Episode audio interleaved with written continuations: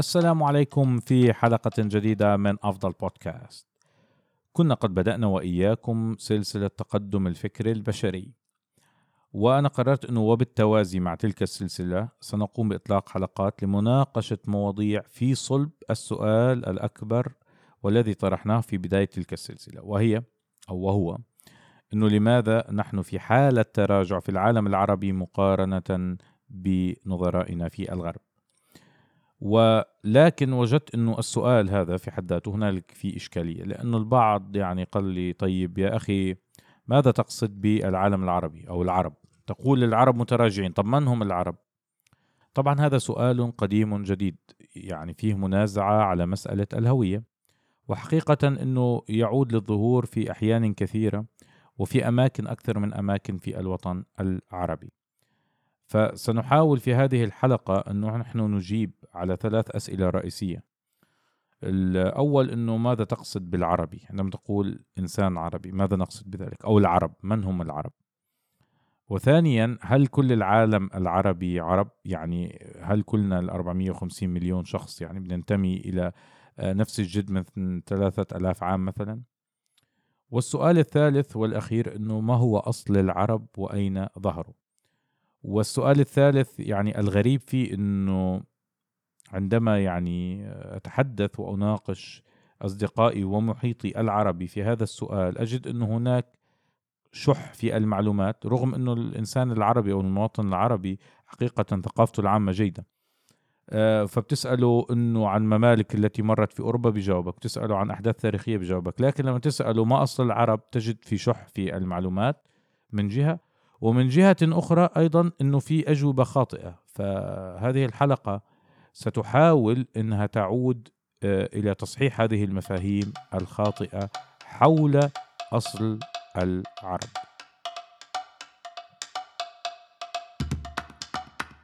نبدأ بالسؤال الأول والمهم أنه ماذا نعني بالعربي؟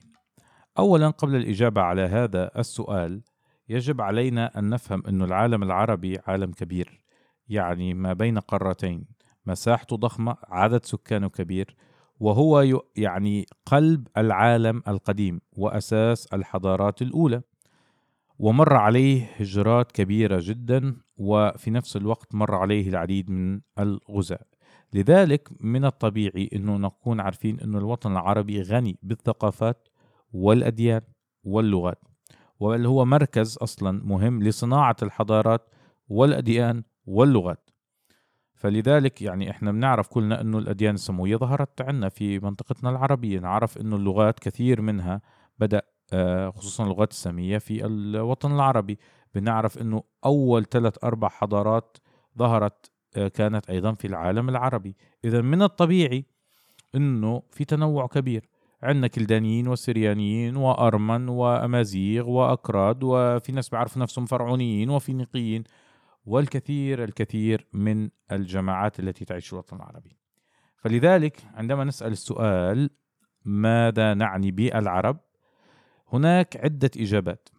أحد التعريفات للعربي أو العرب تقوم على مسألة العرق. بيجي بيقول لك إنه هناك عرق مشترك بيننا ونحن عدة قبائل عربية في الجزيرة العربية ومنها خرج آه، العرب وطبعا آه، بيصنفوا الموضوع على أن هناك عرب عاربة وعرب مستعربة وعرب بائدة عدنانيين وقحطانيين ومسألة طويلة ومعقدة.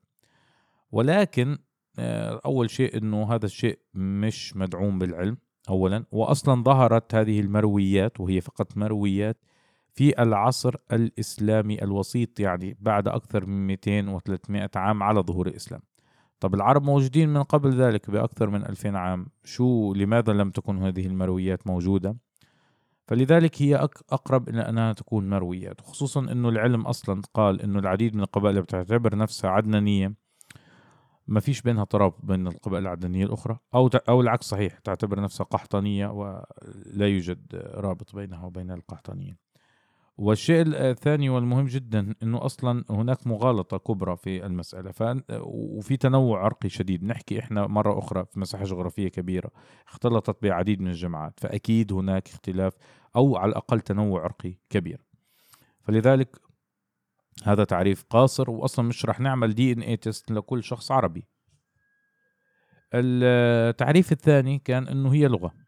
وحقيقة إنه الجامعة الدول العربية في حد ذاتها بتعرف العرب على إنه أو الإنسان العربي على إنه هو إنسان يتحدث اللغة العربية يعيش في دولة عربية ويحمل نفس التطلعات للشعب العربي. وأيضا مرة أخرى أعتقد أنه هذا تعريف قاصر. لماذا؟ لأن هناك جماعات تعتبر نفسها عربية تتحدث العربية لكن موجودة خارج إطار الوطن العربي. وعلى سبيل الذكر وليس الحصر أن هناك آه، يعني آه، قبائل الطوارق الموجودين في شمال مالي واللي بيعتبروا نفسهم عرب بيتكلموا عربي ولهم زي عربي ويعني عاداتهم وثقافتهم عربية ولكنهم مش عرب في ضمن هذا التعريف. أو الناس اللي خرجوا وهاجروا إلى الغرب مثلا. أيضا هناك جماعات تعيش في الوطن العربي وقد لا تصنف نفسها على أنها عربية. وبتقول لك أنا عندي لغتي الخاصة وأنا عندي ثقافتي الخاصة.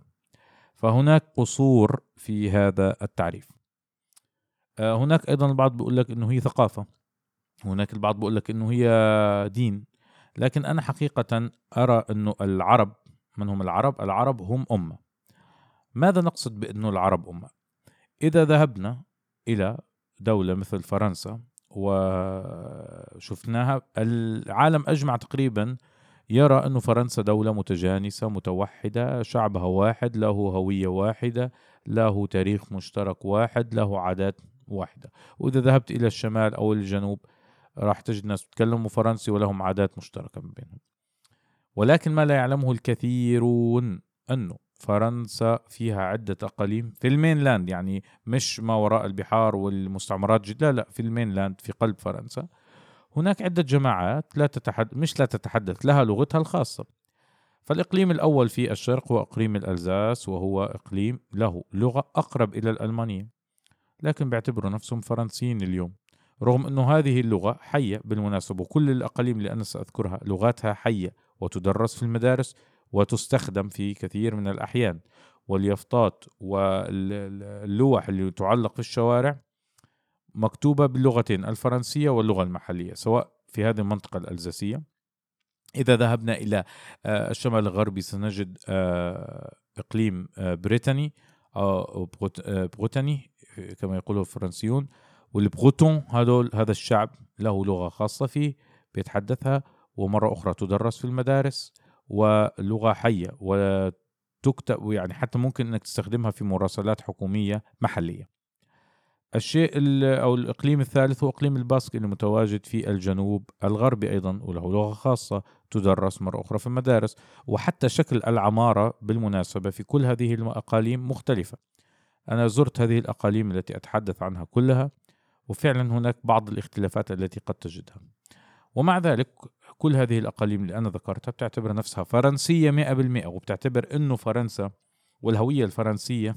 ومرة أخرى مش فقط أنه بتعتبر نفسها فرنسية أنت دائما تسمع في التلفاز وخصوصا في الخطاب السياسي على قيم الجمهورية الفرنسية. يعني هناك اتفاق ضمني بأنه هناك قيم مشتركة ما بين هذه الأقاليم وأنه فعلا فرنسا والأمة الفرنسية هي المظلة الجامعة. وبعد ذلك أو خلينا نقول إنه مش فقط إنه أمة فرنسية بل أيضا هي إنه تكون خلينا نقول آه، الطبقة الأولى في تعريف الهوية آه، لكل هذه الأقاليم. بعد ذلك تملك أنت طبقة ثانية اللي هي أنا مثلا ممكن أقول أنا فرنسي آه، باسكي أعيش في بياغيتس في جنوب فرنسا وأتحدث الفرنسية والباسكية وأنا كاثوليكي. هكذا. طبقات بسلم الترتيب الذي يراه المواطن الباسكي مثلا في آه، جنوب فرنسا.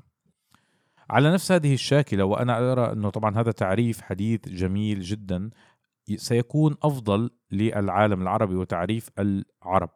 لأنه إحنا شعوب نملك لغة مشتركة أكثر من 95% مما يعيش في الوطن العربي يتحدث العربية.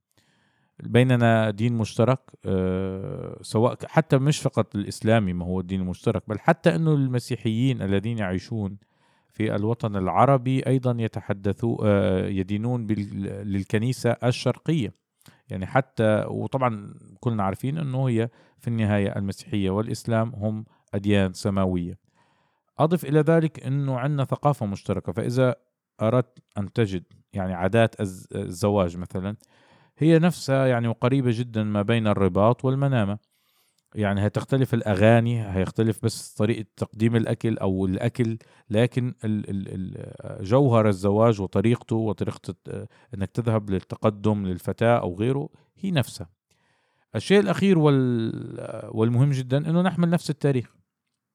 وهذا كلام طبعا من السهل إنك أنت ترصده تاريخيا. أصلا إحنا كنا محكومين لسنوات طويلة وعديدة من نفس الجهة السياسية أو من نفس الدولة فكلنا كنا نتبع لقرون طويلة إلى الدولتين الأموية والعباسية اللي كانوا بيحكموا من المحيط إلى الخليج.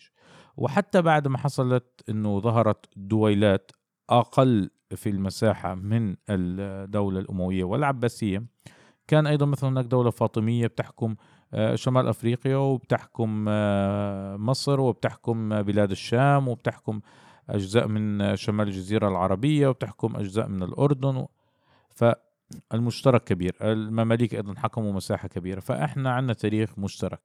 وحتى لما تكون هناك دول مختلفة مثلا دولة المرابطين في المغرب العربي ودولة آه، مثلا الفاطميين أو المماليك أو الأيوبية بالمناسبة التي ظهرت في وقت قريب أيضا للموحدين. آه، نفس النظام السياسي نفس الكذا. وحتى أنه دولة بالمناسبة دولة الموحدين والمرابطين كان يحكمهم عائلات أمازيغية ولكن كانت لغتهم الأساسية الرسمية للدولة كانت في العربية. فايضا المشترك بيننا كبير جدا جدا. اذا برأيي أنه هذا هو التعريف الأشمل للمواطنين في الوطن العربي.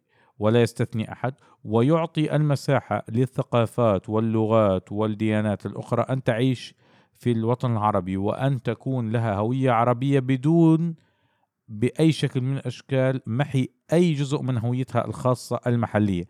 فنفس فرنسا قد تكون أنت فرنسي باسكي فرنسي بروتاني وتتحدث لغة أخرى وحتى لك دين آخر. فإذا قلنا إنه الأمة العربية هي أمة بالفعل فسيكون أنه هي فقط المظلة الجامعة مع احترام خصوصية كل ثقافة وعدم محاولة طمسها بأي شكل من الأشكال بالعكس تقويتها وتعزيزها كما يحدث في فرنسا. طب السؤال الثاني سنة يعني اللي هو هل كل عالم العربي عرب؟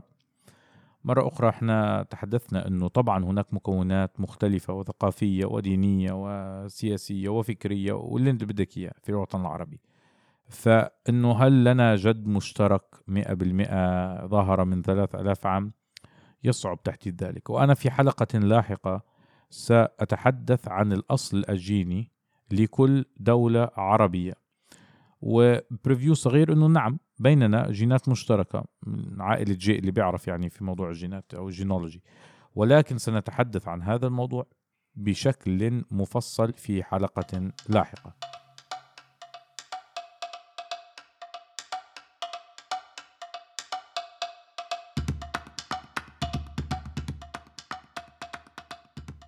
نذهب إلى السؤال الأخير وهو أنه ما هو أصل العرب وأين ظهروا؟ وحقيقة أنه أنا ناقشت هذا السؤال مع الكثير من الأصدقاء والمحيط آه، حولي يعني من معارف ومثقفين. ووجدت أنه في ضآلة وشح في المعلومات في جانب أصل العرب وظهورهم. بل أنه مش بس ذلك بل أنه هناك مغالطات كبيرة في هذه المسألة. لأنه الحقيقة أنه رغم أنه إحنا شعوب مثقفة بشكل عام الشعب العربي أنا برى أنه مثقف على الأقل طبق يعني أو آه، بديش يكون عندي آه، أي تفريق حتى في مسألة السن لكن جيل الثمانينات ورجوعا للخلف فعلا ثقافتهم العامة جيدة. لكن للأسف الشديد عندنا مغالطات. يعني كثير تساله بقول لك ما بعرف بالضبط أو بقول لك إنه أصل العرب معروف هي في اليمن وأنهار سد مأرب وخلاص صرنا انتشروا. والمغالطة الأكبر عاد بكثير بقول لك إنه إحنا ما فيش هم العرب فعلا كانوا فقط وفقط في الجزيرة العربية شبه الجزيرة العربية ومع الفتوحات الإسلامية تم تعريب دولنا. وهذه أيضا مغالطة كبيرة. الحقيقة إنه أول مرة يتم ذكر فيها العرب في التاريخ كله حتى الآن آه، هي يعود إلى سنة 853 قبل الميلاد.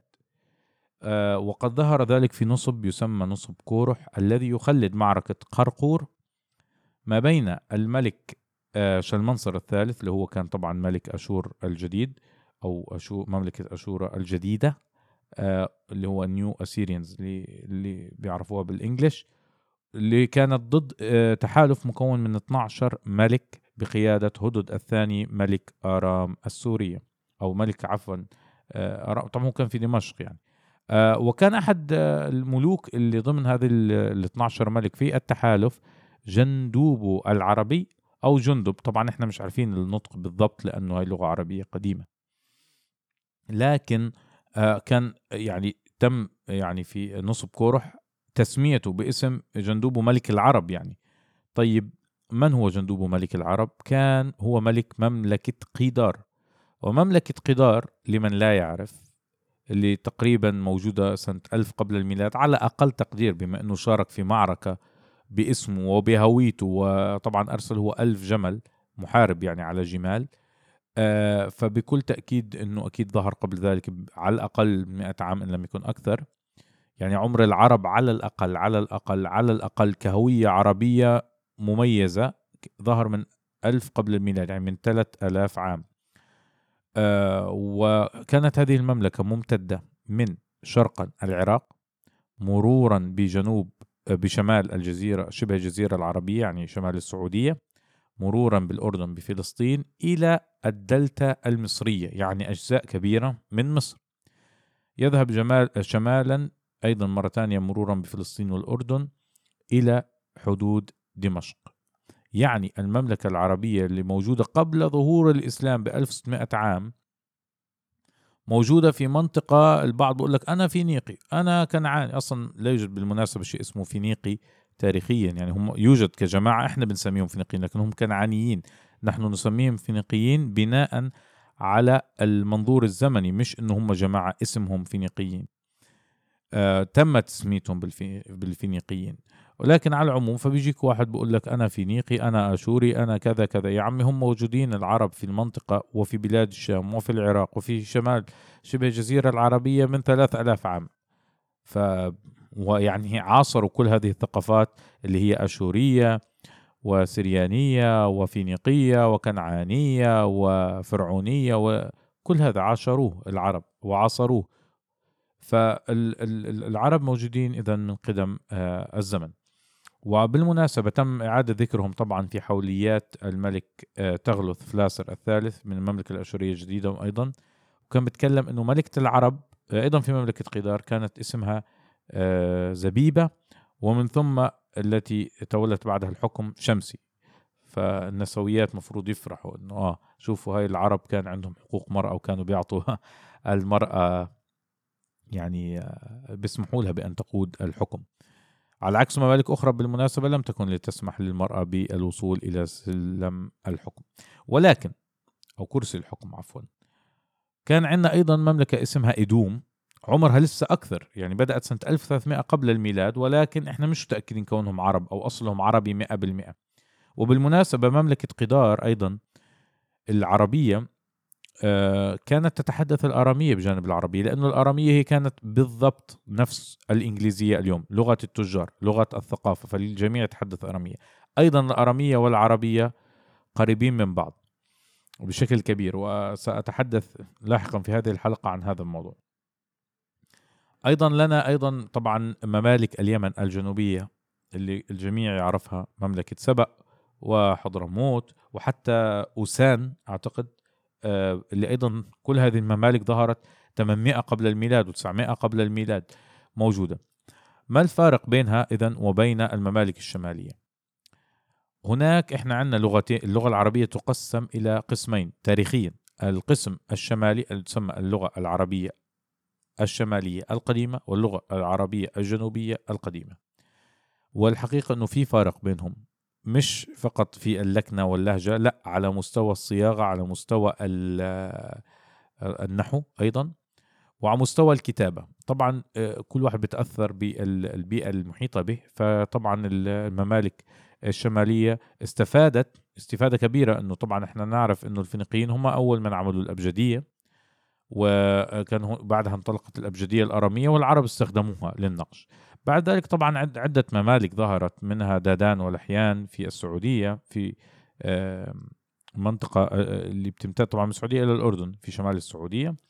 وعندنا مملكة مهمة جدا جدا جدا. أيضا العقل العربي مع إنها ظاهرة أمامه مرات بي بي يعني لا يلاحظها. وهي مملكة الأنباط اللي كانت ممتدة من الشمال السعودية إلى الأردن. إلى فلسطين إلى أجزاء من مصر. وهي مملكة قديمة أيضا سبقت الإسلام بكثير وسبقت المسيحية وظهرت وعندها آثار ظاهرة وباقية وخالدة إلى اليوم في مدينة البتراء وفي مدينة العلا في السعودية. وهذه حضارة كانت متطورة جدا جدا في تستخدم اللغة الأرامية بجانب العربية ولكن لها هي يعني آه التي تركت لنا أكثر عدد من المنحوتات اللي مكتوبة باللغة العربية الأحدث عد بدون استخدام الأبجدية الفينيقية أو غيره. وطبعا هناك ممالك مثل مملكة الحضر اللي كانت موجودة في شمال بغداد سنة 300 قبل الميلاد. عندنا أيضا طبعا بعد ذلك آه، مملكة الرها سنة 130 قبل الميلاد اللي موجودة في شمال سوريا. يعني الوجود العربي تاريخي ما هواش أتى مع الإسلام. ولذلك الفتوحات الإسلامية لم يعني طبعا أدت إلى أنه اللغة العربية تصبح لغة ثقافة ولغة تجارة فاستبدلت اللغة الآرامية. يعني حتى اللغة السريانية بالمناسبة لمن لا يعلم. تتحدث آه، لغة آرامية بشكل أو بآخر. حتى اليوم اللي بيقول لك أنا بتحدث سرياني هو بيتكلم على آرامي. فلذلك والعربية طبعا تأثرت بالآرامية وغيره. ولكن اللي بدنا نفهمه أنه المنطقة عربية من قبل الإسلام وقبل المسيحية. وحتى في العصور القادمة عندما أتى الرومان هم يعرفوا أنه هم كانوا يعني مستعمرين منطقة عربية.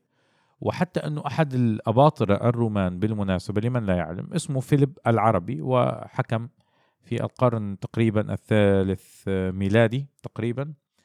ويسمى الإمبراطور فيليب العربي الذي ولد في حوران في مدينة شهباء في سوريا واللي آه، يعني آه، كان يعرف أو هم يعرفونه بأنه عربي عندنا أيضا الملكة زنوبيا أيضا في مملكة تدمر اللي كانت عربية أرامية. آه، أيضا حتى في لبنان بالمناسبة وفي قلب لبنان كان هناك آل آه، شميل جرام سنة 50 قبل الميلاد واللي كانت موجودة أيضا في بعلبك. وبالمناسبة بالمناسبة بالمناسبة حتى عندما قام ألكسندر العظيم باجتياحه لكل العالم وغيره طبعا أحد أكثر المدن اللي يعني كانت صعبة إنه يستطيع دخولها كانت بعلبك. وتحدث آه، في تاريخه لهذه المعركة بأن القبائل العربية أتعبت وكانت تغير عليه ليلا وكذا وأطالت أمد الحصار الذي أقيم على بعلبك حتى استطاع أنه يفتحها. فلذلك العرب موجودين موجودين وحاربوا الرومان منذ القدم. وبالمناسبة طبعا ظهر بعد ذلك في تطور طبيعي عدة ممالك عربية أخرى بعد ظهور المسيحية وبعد ظهور الرومان الحضارة الرومانية والفارسية. آه، ومنها مملكة تنوخ اللي أصبحت فيما بعد اللخمية أو مملكة المناذرة اللي كانت من سنة 200 إلى 600 ميلادي. آه، وطبعا كلنا نعرف عن مملكة الغساسنة وكل واحد طبعا تحالف مع الأقرب له الغساسنة تحالفوا مع الروم والمناذرة تحالفوا مع الفرس. ونفس هذه الممالك اللي تحالفت هكذا وكذا بعد ذلك تحالفت مع المسلمين آه، قبل أن تدين بالإسلام. بعضهم تحالف مع المسلمين وبعضهم آه، بقي على تحالفاته يعني. آه، وظل عنده ولاء للروم مثلا أو غيره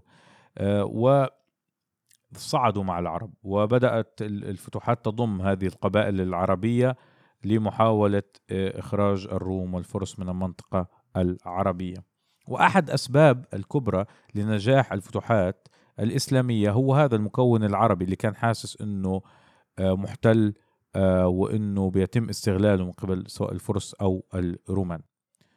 السؤال الذي سيطرح هنا علي إنه أنت بتتكلم عن العرب طب ما أنت في خضم حديثك بتقول إنه كانوا يستخدموا مرات آرامية وفينيقية أبجدية وغيره. طب ما هي في حضارات أخرى؟ يمكن أنا كنت من الجانب اللي بيحكي فينيقي يا سيدي. أنا من الجانب اللي بيحكي سرياني. أنا من الجانب اللي بيحكي كنعاني. الحقيقة أنه أصل العرب عاد نعود عاد لسؤال أكبر شوي لأنه إحنا كل ما نرجع بالزمن شوي كل ما تعقدت الأمور ولكن المنطقة كلها كلها هي عبارة عن شعوب سامية. وكل اللغات اللي موجودة واللي ذكرناها هي لغات سامية. بل أضيف لكم الشعر بيت.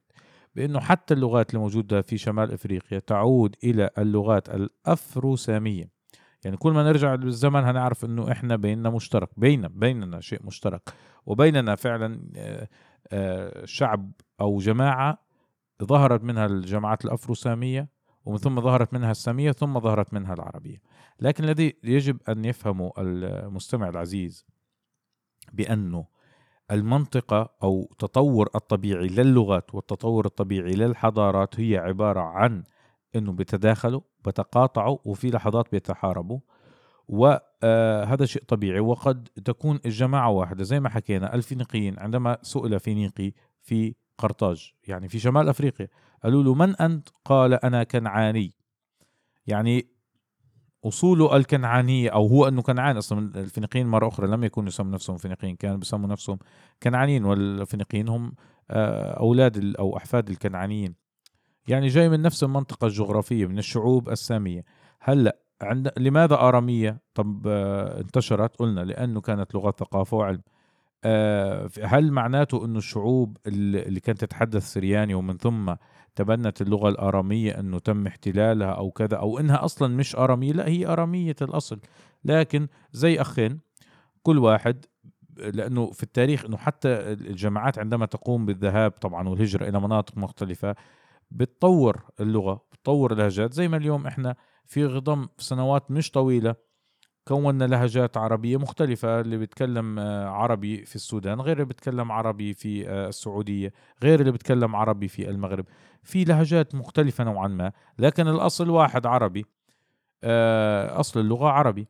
هنا نفس الشيء هي لغة واحدة سامية وانتشرت وانقسمت وهي نفس الشعوب اللي تحدثت أرامية تحدثت فيما بعد عربية وتحدثت قبل ذلك كلدانية وقبلها سرياني وقبلها كذا.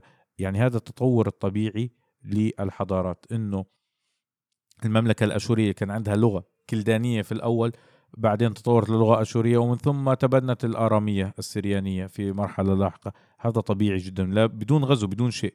وأيضا اللغة العربية مش إنه أصبح هناك تعريب. طبعا آه، اللغة بتت يعني ليش الرومان اللي دخلوا المنطقة آه واستوطنوا فيها مئات السنين في فلسطين مثلا ليش الشعب اللي بقي هناك ظلت لغته آرامية ولم آه تصبح آه لغته لاتينية آه، رومانية؟ لماذا المناذرة اللي الفرس استطاعوا إنه أو حتى في شمال بالمناسبة شمال عمان وفي جنوب اليمن أيضا الفرس احتلوا هذه المناطق؟ لماذا تلك الشعوب لا تتحدث الفارسية العربية هي جزء أصيل من المنطقة ونفس اللغة تعود لنفس العائلة وكل هذه اللغات بالمناسبة لها نفس الأصل والتركيب اللغوي. يعني شو؟ يعني إنه كل هذه اللغات أصلا غير إنها سامية طبعا وتعود لنفس المنشأ بل إنها كلها تعود إلى الجذر المثلث. يعني كل الكلمات تعود إلى ثلاث أحرف. يعني ممكن نحكي مكتبة ولكن الجذر تاعها طبعا كلمة كتبة. أه وللتدليل فقط والتأكيد على مدى القرب الشديد والشديد جدا بين اللغات التي أنا بتكلم عنها.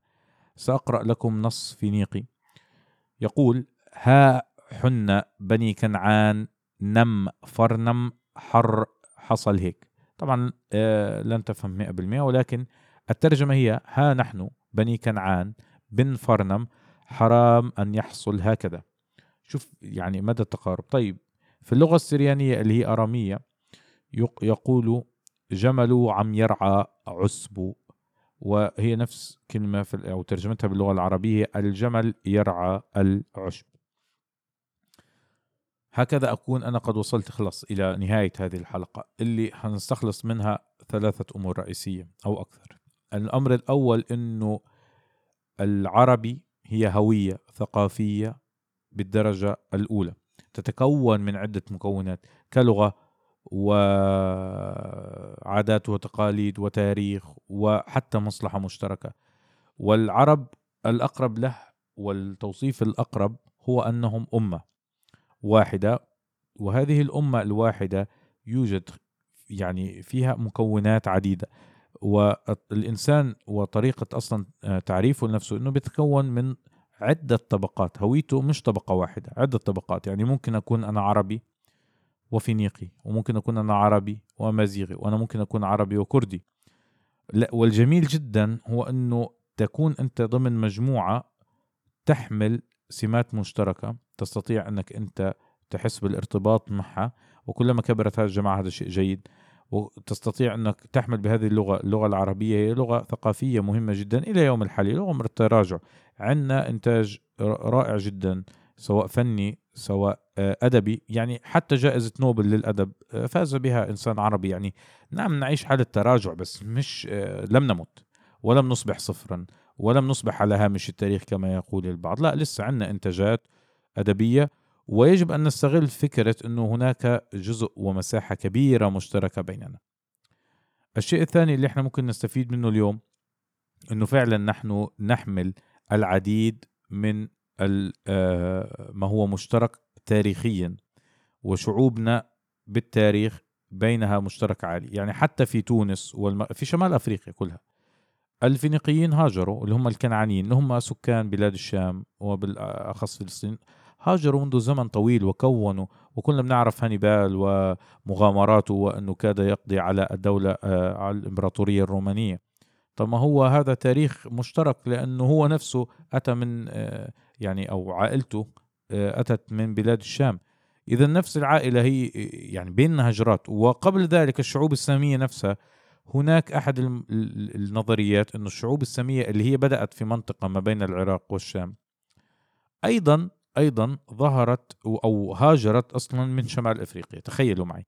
يعني حتى يعني هناك هجرات متبادلة. من شمال إفريقيا ذهبوا واستوطنوا في منطقة ما بين العراق والشام وبعد ذلك نفس هذول السكان جزء منه عاد إلى شمال أفريقيا وعمر أجزاء منها. فنحن هناك شيء, شيء يعني شيء كبير من التداخل. المسألة الأخيرة والمهمة جدا إنه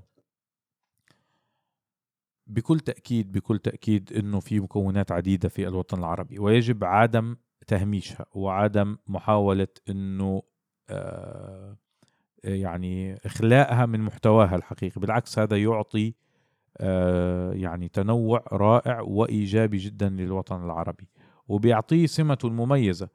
ويجب علينا نفهم أنه طبعا هذه التداخلات مختلفة من بلد إلى آخر. يعني إذا إحنا سواء أخذنا جينيا أو ثقافيا الشعب المغربي أو الشعب مثلا خلينا نقول الفلسطيني أو السوري سنجد إنه طبعا في اختلاف في بنيته لأنه في سوريا مر عليهم بداية بدء ذي بدء يعني شعوب أتت من من منطقة آسيا الوسطى وشعوب أتت من منطقة الأناضول شعوب أتت من اليونان وشعوب أتت من أوروبا وشمال أوروبا مرت فيها. و أيضا هجرات أتت من آه، جنوب العربي إليها. بل وهجرات إفريقية في لحظات بس خفيفة جدا. في حين أنه المغرب الهجرات التي أتت إليها والقبائل التي أتت منها قبائل الفندالية القديمة يعني حتى قبل أنه الرومان يحتلوا شمال أفريقيا أو حتى وبعد ذلك طبعا بعد ما احتلوا شمال أفريقيا أيضا أتت قبائل جرمانية اللي هم الفاندلز تقريبا آه، أتوا واستوطنوا في المنطقة. آه، ففي المغرب ستجد أنه في مكونهم الجيني والثقافي هناك جزء آه، أندلسي أو أيبيري خلينا نقول وهناك جزء جرماني وهناك جزء أفريقي. طبعا لأنه هو هذا تاريخه اللي مر فيه. ويجب المحافظة على هذا التنوع الجميل جدا. أكون بذلك قد وصلت إلى نهاية حلقتي. وانتظرونا في حلقات جديدة. أتمنى منكم طبعا مشاركة هذه الحلقة ومعظم الحلقات الأخرى مع من هو مهتم بهذه المواضيع. شكرا لكم أعزائي المستمعين وألقاكم في حلقة جديدة.